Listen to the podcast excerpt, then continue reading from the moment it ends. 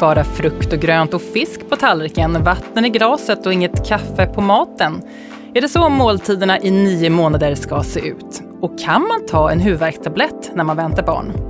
I det här avsnittet av Gravidpodden från Babygruppen ska vi prata om allt vi får och inte får stoppa i oss under graviditeten. Jag som leder podden heter Anna-Karin Andersson och vid min sida har jag min kunniga sidekick Åsa Holstein, legitimerad barnmorska. Hallå Åsa! Hej Anna-Karin! Mm, kost, alkohol, droger och annat. Hur ändrade du dina matvanor när du själv var gravid? Du har tre, tre barn, så tre, ja. tre graviditeter. Jag åt bara linser och bönor. Nej, nej, nej, på. nej jag, eh, jag gjorde nog en kostomvändning som inte var så fördelaktig. Jag har tidigare program berättat att det gick upp 25-30 kilo. Jag eh, åt eh, mycket pommes frites och remouladsås, allt som var fett och salt, semlor och godis, massa mackor.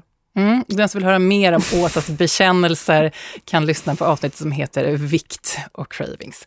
Eh, vad var svårast att vara utan då? För någonting måste du väl ha tänkt på? Eller smällde du vad som helst? Ja. Nej, jag, jag tänkte nog på vad jag åt och försökte undvika opastöriserade ostar. Och, det var ganska många år sedan jag var gravid nu med mitt första barn. Eh, och de där rekommendationerna från Livsmedelsverket ska säga igen, rekommendationerna från Livsmedelsverket, de ändras hela tiden. Ja. Eller ganska ofta. Så det, man får hålla sig uppdaterad på deras hemsida eh, för att se vad som är rekommenderat att äta just nu när man är gravid. Mm. Men jag tyckte det var svårt att hålla mig från alkoholen. Mm. Det, det, det, måste jag, där får jag inflika att jag, det var ju det som jag tyckte var svårast också. Och Skittråkigt. Det, det var tro, ja, precis, ja. den sociala biten. Ja. Um, och det är gott att dricka ett glas vin till maten. Ja. Det förhöjer liksom måltiden. Jag gjorde ett sånt, eh, ett, ett sånt eh, test, eller det var en forskning. Eh, de ville veta, som jag fick då på, på mödravårdscentralen, när man skulle fylla i om sina alkoholvanor. Och så fanns det sista på slutet en, en, ett öppet fält där man skulle skriva en egen kommentar om man ville. Och jag hade fyllt i hela testet och då frågade de om man hade druckit eller någonting sånt. Och så på sista kommentarsfältet så kunde jag inte låta bli, för ingenstans hade det stått eh, att man tyckte det var gott. Allting byggde på Eh, att, att, eh, att det var svårt att säga nej, eller att det andra, att det var någon slags påtryckning, eller att, att, det, att det förväntades av mig. Eh, och för mig handlade det inte om det, men jag tyckte det var tråkigt. Det är gott med ett glas rött ibland. Så det var absolut det var svåraste av vara. Mm. Ja, jag skulle bara säga att men det är ju inte bra när man är gravid. Det är ju nolltolerans på alkoholen som gäller, så att det är bara vackert gilla läget. Och det är ju en begränsad tid. Det är nio månader. Ja, och det finns fördelar med att inte dricka den alkoholen. Enorma fördelar och det kommer vi in på lite senare ja. i det här avsnittet. Vi har en hel topplista ja. på vad du kan få ut av att vara vit i nio månaders resa. Eh, men, men, men, jag förstår dig rätt också, så tog du de här rekommendationerna med, med nypa salt om du käkade remouladsås, pommes frites och hade en diet som bestod av semlor på det? Nej, men nu raljerar jag lite. Det är klart jag försökte äta en allsidig och, och bra kost. Men jag var väldigt sugen på feta, onyttiga saker och hade lite svårt att stå emot min, liksom, mina cravings helt enkelt. Mm. Eh, jag tycker väl generellt att de är lite svårtolkade de här, även jag som barnmorska, de här rekommendationerna från Livsmedelsverket, vad man får äta och inte får äta eh, och det är väl lätt att bli lite begränsad. Så jag... Och svårt att värja sig känner jag. För jag kände lite grann som du, att men jag är väl förstånd och kan väl själv fatta mina beslut om vad jag ska äta och inte. Och så sitter jag där ändå hos svärföräldrarna som har fångat upp den här insjöfisken och lägger fram den stora gösen på bordet som står på röda listan. på. Eh, och så är det liksom, känner man sig lite, lite ja, och fjomp åt båda hållen. Fjompig som då kanske ska tacka nej till den här gösen. Eh, och också, men och så, så, i båda läger vart det lite sådär att jag inte visste hur jag skulle förhålla mig till Nej, sunt förnuft är väl egentligen det som, som ska råda, tycker jag, rent generellt. Mm. Ja. En som har stuckit ut hakan i den här frågan och, och, och fått eh, många barnmorskor på mödravårdscentralerna emot det är David Eberhardt, en, en svensk eh, psykiater och författare och debattör, som lanserade begreppet trygghetsnarko, eh, narkonami, narkomani. Narkomani, ja. Där satt det rätt i munnen, precis. Eh, han har bland annat då tagit fram statistik kring sannolikheten för att man ska drabbas av listeria, en, en sån här bakterie. Och enligt honom är risken rätt mikroskopisk med tanke på Eh, alltså hur, hur, liten risk det är att man skulle drabbas. Men, men konsekvenserna om man skulle få i sig den här listeriabakterien när man är gravid skulle kunna bli så stora, så då väljer man att säga nej och så har man de här långa listorna, listorna. för vad man ska äta och inte äta. Jag tror egentligen att det är betydligt större sannolikhet att man blir överkörd på väg till jobbet vid övergångsstället än att man får listeria när man är gravid. Mm. Man blir ju rädd ändå. Ja, men, men det är väl klart att man vill försöka göra så bra som möjligt för det här väntade barnet. Mm, Ja, och vi ska snart gå in på hur man gör det bäst för sig själv och barnet i magen och prata mat, alkohol och mediciner. Men hur är det med de här mer lättare drogerna, om vi ska kalla det så? Eh, en huvudvärkstablett, är det okej när man är gravid, Åsa? Ja, det är det. Det är helt okej med en huvudvärkstablett. Eh, om man håller sig till Alvedon eller paracetamol som den verksamma substansen heter. Följ instruktionerna på förpackningen. Mm. Och kaffe då på maten, får jag ta det? Ja, det får du. Men i mindre doser än du antagligen dricker när du inte är gravid. Livsmedelsverket har ju rekommendationer som uppdateras kontinuerligt och just nu så får man dricka tre koppar kaffe och då är varje kopp på en och en halv deciliter. Eller sex koppar svart te och då är varje kopp på två deciliter.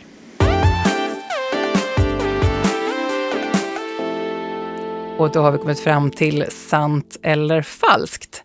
Eh, jag har lite påståenden här som jag vill att du, Åsa, berättar för mig om det stämmer eller om jag är fel ute. Och här handlar det nu om vad man får stoppa i sig och inte. Är du beredd, Åsa? Jag är beredd. Eh, Jag tycker bönor, linser och sånt är riktigt äckligt, men det ska ju vara så nyttigt att äta när man- när man är gravid, så det är bara att hålla för näsan och pina i sig. Sant eller falskt? Falskt. Man behöver inte pina i sig det. Men det är klart att det är nyttigt att äta när man är gravid. Det finns massa bra ämnen i bönor och linser och baljväxter. Men inte måste man pina i sig det bara för man är gravid. Det finns andra alternativ då. Jag åt en pastasås hos några vänner i helgen. Eh, Det visade sig att den innehöll salami. Nu måste jag vara orolig, man ska ju inte äta charkuterier. Sant eller falskt? Falskt. Jag tycker inte du behöver vara orolig för att du ätit salami en gång. Eh, En pastasås som antagligen var uppvärmd. Och är du det så prata med din barnmorska på mödravårdscentralen och ventilera dina tankar med henne. Jag får ju eh, inte röka, det vet jag, men en prilla är okej. Sant eller falskt? Falskt. Det är lika illa att snusa som att röka under graviditeten och det är nikotinet som är skadligt för barnet och graviditeten. Och slutligen, jag har ätit folsyratabletter som man ska under första trimestern, så nu får jag garanterat ett barn utan ryggmärgsproblem. Sant eller falskt? Jag måste nog säga falskt. Det finns inga garantier tyvärr överhuvudtaget när man är gravid. Men, men risken blir ju mindre om man ätit folsyra i början av graviditeten. Och egentligen säger man att man helst ska ätit folsyra en månad innan man blir gravid. Så vill man bli gravid så är det bra att börja äta folsyra eh, redan när man bestämmer sig för att man vill bli gravid. Men folsyra i sig min- minskar risken för neuralrörsdefekter på barnet. Jag sa slutligen, men nu kommer den allra Kommer den sista. till? Ja! Jag gillar Okej. den 3-procentiga standardmjölken, men som gravid börjar byta till lättmjölk. Sant eller falskt? Enligt de rådande rekommendationerna för Livsmedelsverket så ska man byta till lättmjölk. Men det riktiga som du gillar tycker jag. Men där drar vi Det. Där drar vi streck. Du lyssnar på Gravidpodden från Babygruppen. Jag heter Anna-Karin Andersson och Åsa Holstein finns vid min sida. Och nu eh, har det blivit varmt här i studion för nu har vi fått sällskap. Eh, jag välkomnar Susanne Ålund hit. Välkommen! Tack. Du är legitimerad barnmorska och jobbar med mödravård på BB Stockholm Family. Eh, vi pratar om eh, det man får och inte får stoppa i sig under graviditeten. Eh, frågor som är, är viktiga eh, på, på mödravården som ni, ni pratar mycket om, eller hur? Mm, det stämmer. Jag tänkte vi skulle börja med att prata eh, kosten. Eh, och då undrar jag, varför ska jag överhuvudtaget tänka på vad jag äter när jag, när jag är gravid? Susanne? Det viktigaste att prata om det är vad jag ska äta tycker jag. För bra mat kan ge eh, snabba resultat och göra skillnad när man är gravid. När man, eh, ofta är man trött, kanske illamående.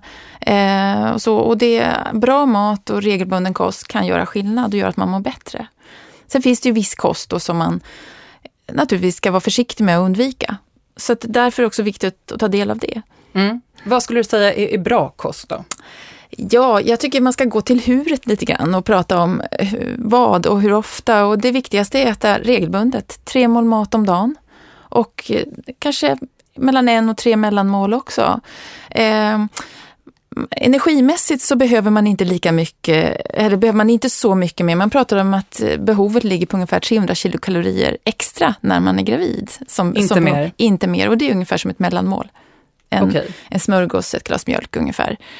Men däremot så ökar behovet av vitaminer, mineraler och spårämnen. Så att eh, vad vi äter är ju viktigare på grund av det. Mm.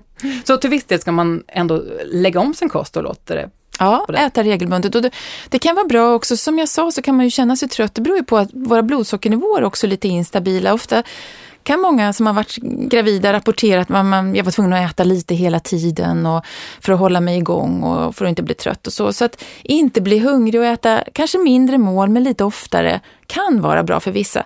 Men det är viktigt att veta att, att kostråden är ofta ganska individuella idag. Så när man kommer till sin barnmorska så gör man ganska bra ja, kostanamnes kanske man kan benämna det vid, men bra, hur äter du, vad vill du veta och, och så. Väldigt många går in och läser då på Livsmedelsverkets hemsida som, man, som kan vara, som vi sa, lite kantiga, men, men man, kan, man kan lita på de riktlinjerna så att säga. Mm. Mm. Och, och de här, den här listan finns också i, i babygruppens app, så man kan hitta den på lite alla möjliga olika mm. eh, håll. Eh, fin, finns det någon eh, måltid som du bara skulle spontant säga, den här passar alla? Finns det någon sån här Ja, jag Susannes favorit ja, bland gravida. Precis. Det, det. Vad ligger på tallriken? Just när man, alltså jag tycker man kan tänka tallriksmodellen. Mm -hmm. eh, ja, att, att försöka balansera det så oavsett Och vilken... säg nu något gott, lägg inte upp något trist. Ja, alltså nu är det så ofta, om man ska komma in på näringsämnen, ofta, det beror på om man är vegetarian eller inte. Om man, kan, om man blandar upp så kan man säga en tredjedel kött eller fisk, en mm. tredjedel pasta eller potatis och en tredjedel grönsaker. Det, det, det är en bra måltid. Just det, men mm. där fanns det ganska stora variationer nu. Så att jag kan... Ja, det, det gör det. Och eh, man kan väl jag, jag, tycker man kan tänka kostcirkeln och, och, tänka varierat. Och det som är viktigt att tänka på, det är att få i sig mer grönsaker. För det har vi sett, det är ofta det man har svårt... Vi, vi benämner det frukt och grönsaker, men jag vill säga grönsaker och frukt. för ofta är det grönsakerna vi har svårt att få i oss i tillräcklig mängd. Eh, och det är där vi ofta behöver göra extra tillskott. Mm. Och så du var inne på det här med att de här listorna och rekommendationer för man ska äta, de, de ändras lite eh, med tiden. Är det något som du kommer ihåg eh, som har ändrat sig från, från den tiden som, som du eh, är gravid? Som, jag, som nu är jag har för mig att man inte kunde äta sushi för ett antal år sedan, men att man får det mm. nu. Idag får man äta sushi. Ja. Vi ska köpa, äta, man köper den färska sushin, man köper över disk eller Just som det. inte ligger vakuumförpackad i butiken, för det kan det. Um, man, man, det ska vara färskt över disk, för man menar att man hanterar fisken på det sättet till exempel den färska laxen, fryser den i, i, i tre dygn och tar fram den och då har de eventuella bakterierna dött. Då. Mm. Så, och det är någonting som man gör ständiga kontroller, så det kan man lita på. Det man då kan tänka kring sushi, det är den här listan, listan på fiskar, till exempel tonfisk kan man undvika, svärdfisk. För det, de fiskarna ligger så långt ner på näringskedjan, så det är därför man menar att de har lite högre vad ska säga, miljöföroreningar helt enkelt i sig. Mm. I själva fisken? Mm, I fisken. Mm. mm. Eh, i, I övrigt då, just när du är inne på fisk, det, det är mm. ganska många sådana som finns på, mm. på röda listan. Insjöfisk ska man ju undvika tyvärr. Det, men de innehåller då som sagt så höga mil, halter miljögifter. Östersjöfisk någon gång i månaden, men västerhavsfisk då så ofta. Eh, man, vill, man, man menar att, eh, och en av de rekommendationer som finns, att man ska äta fisk två till tre gånger i veckan. Eh, för de innehåller väldigt viktiga fetter eh, som är viktigt, framförallt omega-3 som är väldigt viktigt för, för det blivande barnet vad det gäller hjärnans utveckling och även ögonen. Det, det är en viktig del och rekommendationen är att, att tillföra omega-3-kapslar om man inte äter fisk. Och det, det står tydligt på Livsmedelsverkets hemsida. Mm. Ja, nu, nu är det här eh, passerat, men Susanne, hur hade du eh, rått mig i, i situationen när jag sitter hos svärföräldrarna som har fångat upp gösen som vi pratade om tidigare här i, i mm. avsnittet? V vad skulle jag ha gjort? Ja, det där är ju svårt. Ja, ja, har man nu ätit en abborre eller en gös eller något så är det inte hela världen. Det blir bra barn ändå. Men, men att generellt hålla, förhålla sig till dem är, är ju viktigt och bra förstås. Det är ju rekommendationen vi har. Men eh, någon enstaka gång kan inte jag Eh, tycker inte jag man ska hirra upp sig för eller bli orolig för, men försöka i möjligaste mån undvika. Mm. Vad kan hända fostret eh, om man genom hela sin graviditet eh, ja, skiter i allt vad listor heter och, och äter det som står på röda listan? Vad, vad är worst case scenario? Det vi, det vi äter har ju en inverkan på, på, på barnet eller på, på fostret och den viktiga celldelningen och utvecklingen som är. Eh, om vi skiter i det helt så, och, och, till exempel går upp mycket i vikt så är det stor risk att barnet också får problem, så att säga. Eh, blir för stort eller för litet, man kan få graviditetsdiabetes, eh, sådana saker. Så, så det har en, en, man ska inte underskatta ändå vilken effekt det har.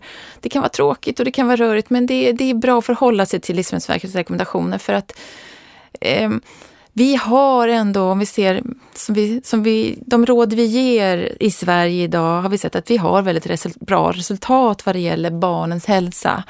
Och det, vi kan idag inte entydigt säga, men vi ser att mer och mer forskning visar att att eh, den miljö vi har i, i fosterlivet påverkar också hälsan längre fram och jag tror om fem tio år kommer vi kunna mycket, berätta mycket mer om det.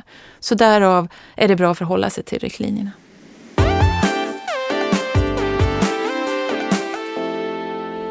Då ska vi gå in på ämnet alkohol i avsnittet av Gravidpodden som handlar om, som sagt, vad man får stoppa i sig och inte. Och alkohol står verkligen på nej-listan. Eh, varför ska jag som gravid undvika alkohol? Det mamman dricker, eh, alkoholmängd, passerar över direkt till barnet. Barnet får all samma, eller fostret eller det blivande barnet får samma promillehalt i kroppen, eh, i blodet och eh, även i fostervattnet. Barnets, det blivande barnets lever är omogen och där har så svårt att bryta ner alkoholen. Så det innebär att barnet har då en påverkan som är mycket längre än mammans. Så, så ehm, fostret påverkas mer än, mer. än mamma som ja, dricker? mer än mamma som dricker. För det är en sån otroligt viktig process och delning, celldelning som pågår under fosterlivet. Och vi vet att det leder till höga alkoholhalter, leder till fosterskador.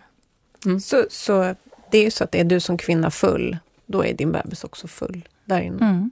Och den mm. har mycket sämre förmåga att liksom deala med den här berusningen. Och precis som Susanne säger, man vet inte var den lägsta gränsen går och man vet inte när i graviditeten, exakt vilken dag, vilken tid eh, de här celldelnings, viktiga celldelningsprocesserna sker. Mm. Man kan inte säga att liksom i vecka fem, då kan du dricka tre glas vin, det är helt okej. Okay. Det går inte att säga så.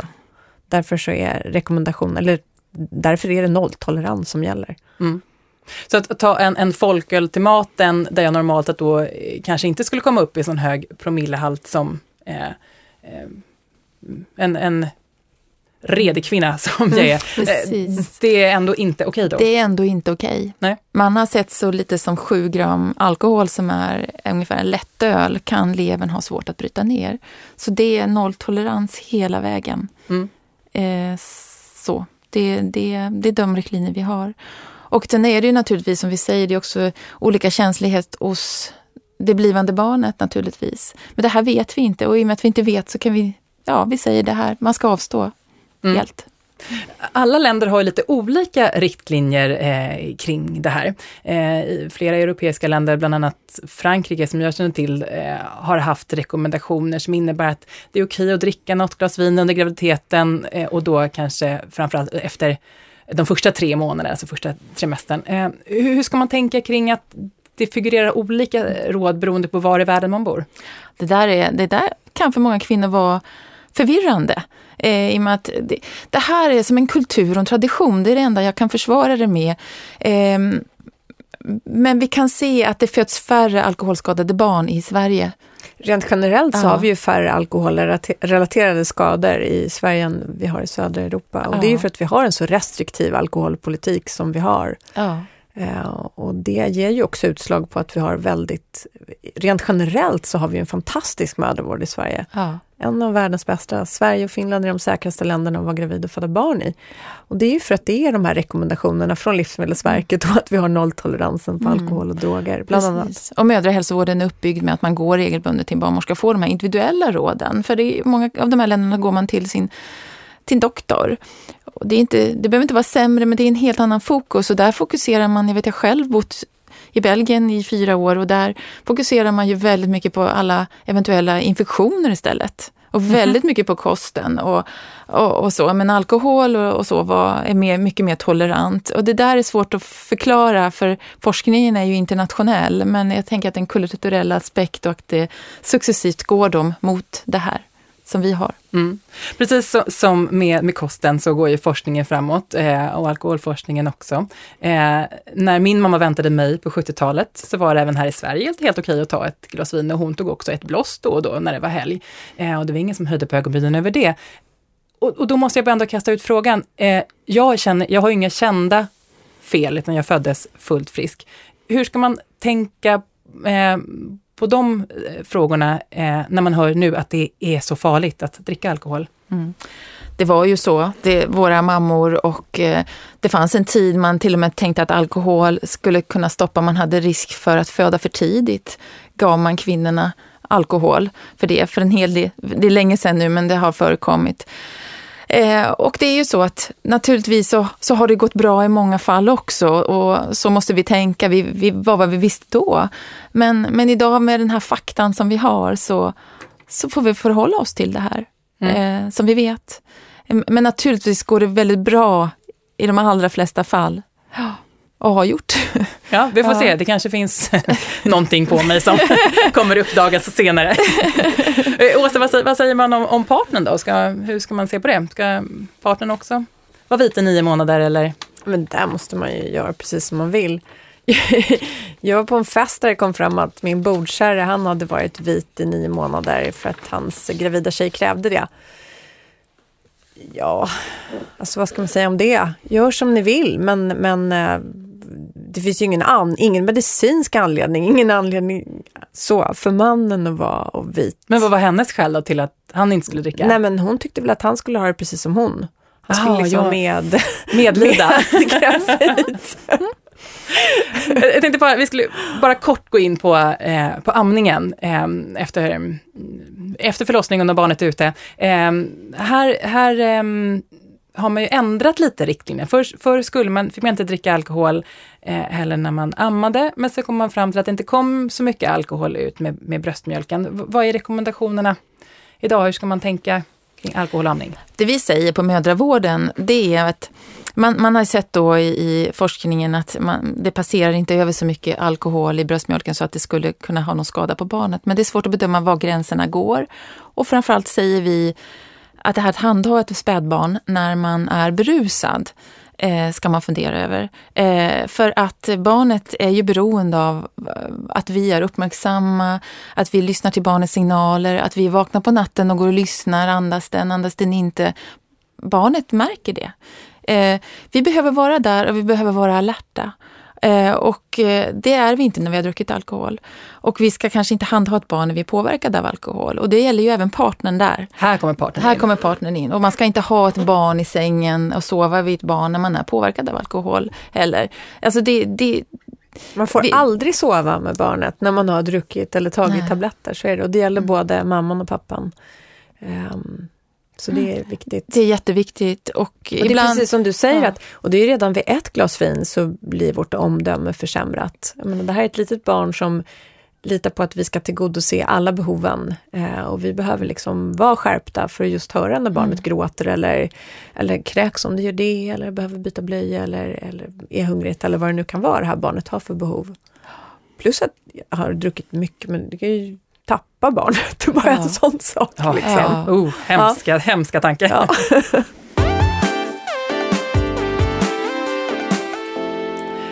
Då ska vi gå in på andra droger och mediciner och rökning och så. Vi har ju pratat om kost och alkohol. Eh, förutom Åsa Holstein så är Susanne Åhlund med här i studion. Ni är båda barnmorskor. Eh, jag tänkte på, eh, alkohol är också en drog, men, men vilka andra typer av droger eh, eller mediciner kan, kan eh, vara farliga att påverka fostret? Ja, rökning vet vi ju direkt är skadligt för fostret. Eh, det ökar ju riskerna. Alltså, dels är ju nikotinet då som är kärlsammandragande och minskar cirkulationen till, till fostret och det blivande barnet.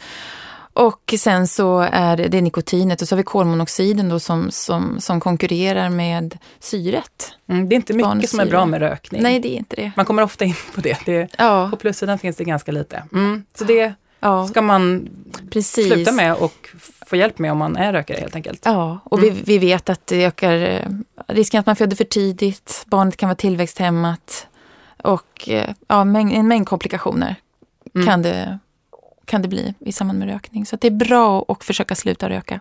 Och det, även om man inte kan sluta helt, om det är helt omöjligt, mm. så är det ju, man vinner mycket om man drar ner på sin tobakskonsumtion eller snuskonsumtion.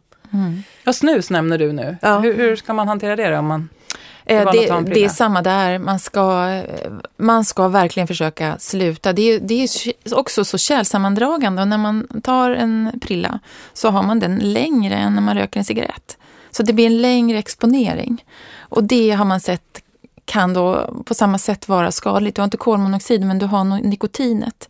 Och jag vill också säga att man kan få hjälp. Det är jätteviktigt att veta det. Vi vet att det är jättesvårt att sluta röka. Men man har allt att vinna. Och vi har, har vi inte tobaksavvänjare på den egna enheten på mödravårdscentralen så har vi det att, att skicka, alltså att få hjälp i det här. För det kan man få. Mm. Väldigt bra hjälp. Och många, många lyckas. Och vi kan se att eh, idag så röker ungefär 7% av de gravida nationellt. Så att, och för 1980 så var uppe i 30 procent, så att det har verkligen minskat. Det är inte så många. Snuset har inte haft det sättet, tack och lov, ungefär, det har man sett sista siffrorna, tror jag 1,3 procent av de gravida eh, snusar i landet. Mm. Eh, mediciner då som man kan ha tagit eh, innan man blev gravid kanske. Eh, hur ska man hantera det när man sen blir med barn? Det är bra att se igenom det här, att, att uh, titta på vilken, om man har någon, någon, grundsjukdom som man måste medicinera och det kan ju vara att man är diabetiker, epileptiker, har någon tyreoidea-sjukdom, att man så snart som man får det här beskedet eh, eller om man när man planerar att bli gravid eh, ställer in sig, tar kontakt med sin läkare. Har man svårt att få kontakt så kontaktar man mödravården och vi har ju läkare där. Och eh, har man en grundsjukdom då försöker vi ordna då en tid så snart som möjligt. Eh, och så får man sitta igenom medicinlistan och justera. För det, i många fall är det dumt att bara abrupt sluta också. Det kan vara till exempel man äter något preparat mot nedstämdhet till exempel, att man kan få behöva verkligen diskutera och hitta en bra balans i sin medicinering. I vissa sammanhang kan det handla om också att ställa risk mot nytta. Att det finns en sån diskussion också. Så man, det finns hela spektrat från Alvedon och uppåt så att säga. Men det är viktigt att se över eh, om man äter någon typ av medicin. Man kan ha fått en tablett någon gång utskriven för mot smärta, sömnproblem.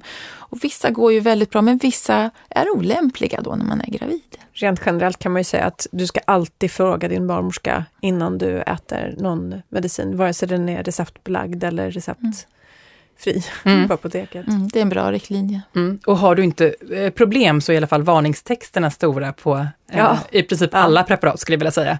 Så man blir snarare eh, rädd om man läser på.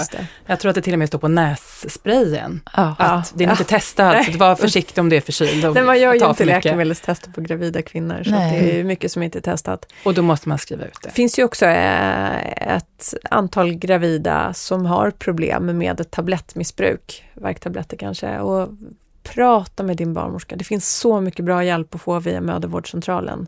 Det är ett fantastiskt system vi har i Sverige och alla är måna om att hjälpa eh, så att du kan bli tablettfri. Och det gäller väl alla typer av, av drogproblem antar jag? Alla drogproblem. Alla drogproblem, mm. precis. Alkohol, tabletter. Mm. Eh, Ja, men det, det, det, är en stor, stor process och det är väldigt viktigt att komma till och känna att inga, vi tar tag i det mesta och det vi inte kan hantera skickar vi vidare. Och det finns, vi har samarbetspartners eh, som, vi, som vi använder. Mm. Eh, I, I perioder så har jag haft svårt att sova och har då haft hjälp av små eh, sömntabletter som jag har gömt i mitt lilla badrumsskåp. Eh, och de här fick jag inte ta när jag var gravid. Och gud vad arg jag var. Mm. så, så otroligt frustrerande att inte få ta den där lilla tabletten och, och, och somna. Eh, men det är ett nej. Det är ett nej. I de flesta, de flesta typer av preparat är nej, tyvärr. Men det där ser vi över och vi brukar kunna hitta andra former också som är något lugnande, nedvarvande. Sen är det ofta så att när man är gravid, kvinnor till exempel som har migrän eller just det här med sömnproblem, att det kan bli lite annorlunda. Att besvären kan förbättras i många fall. Och man, en del sover bättre, men sen är det ofta så att, att, när man är gravid så är det många kvinnor, framförallt mot slutet av graviditeten, som sover sämre, men det är lite meningen. Alltså det är en del av, av processen så att säga. Eh, man ska ju vara vaken lite mer på nätterna när den här bebisen kommer. Precis, en tillvänjningsfas. Ja. Ah, det är så Det är, så. det är ett sätt att trösta sig. Och man ska inte bli nojig för att man inte kan sova, utan man kommer ha kraften ändå när det är dags för förlossning. Det är viktigt att veta, även om man har sovit lite dåligt. Den ibland. finns där, urkraften. Ja, den är där hela tiden.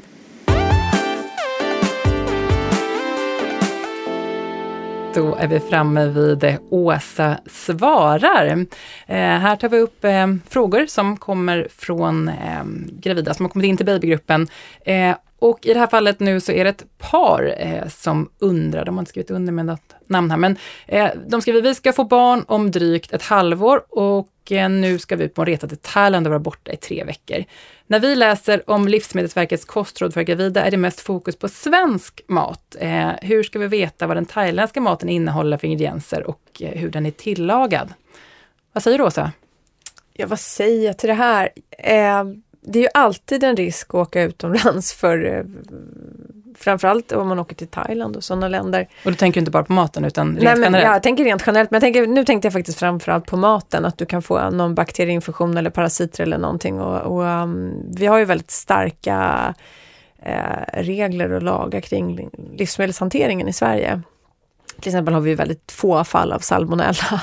Men så är det ju inte i övriga världen. Så att det är ju en, det är en risk man tar om man bestämmer sig för att man vill åka utomlands. Det kommer vara väldigt svårt att följa Livsmedelsverkets rekommendationer i Thailand. Mm. Eh, och är det ja, och det måste man vara medveten om eh, om man åker dit. Så är man eh, är man väldigt, ja, man väldigt, väldigt rädd. Då ska så... du inte åka på resan? Är det så? Nej, jag, det säger jag inte, men man måste i alla fall vara medveten om att det kommer vara svårt att äta på ett sätt som Livsmedelsverket rekommenderar om du åker till Thailand eller ett liknande land.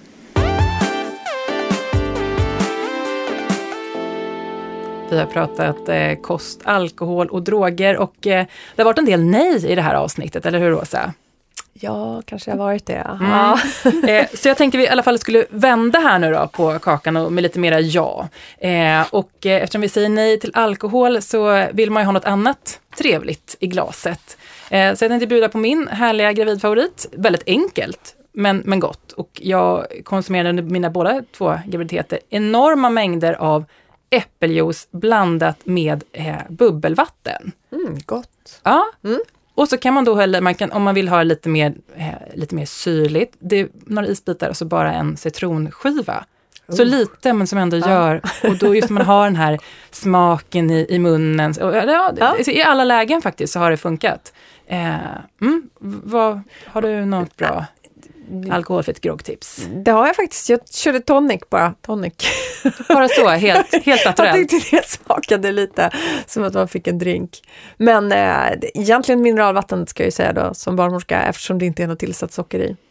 Ja, Smaksatt mineralvatten. Gud, ja, du är jag tråkig. Ja, tråkig. Censurerar du dig själv nu? Ja, okay. Nej, men det var toniken. Toniken. Ja. Mm. eh, vissa tycker att det är busenkelt att avstå alkoholen. Vi har ju båda nu varit ärliga, du och jag Åsa, eh, och vi tyckte det var rätt trist. Eh, och det är inte ruset, eh, men, men, men i alla fall för mig, jag gillar att ta ett glas vin till maten. Eh, så för de som tycker som vi, att det är lite segt att säga nej till alkohol i nio månader, så, kom, månader, så kommer här en, en liten lista eh, med fördelarna med att vara vit. Eh, det här är då eh, en, en, lista med, med tre punkter. Vi börjar med tredje bronsplacering här, Åsa. På tredje plats så kommer att du spar pengar genom att skippa systeminköp och typ eh, halvera dina krognoter. Inte illa. Nej. Silverplats, nummer två alltså.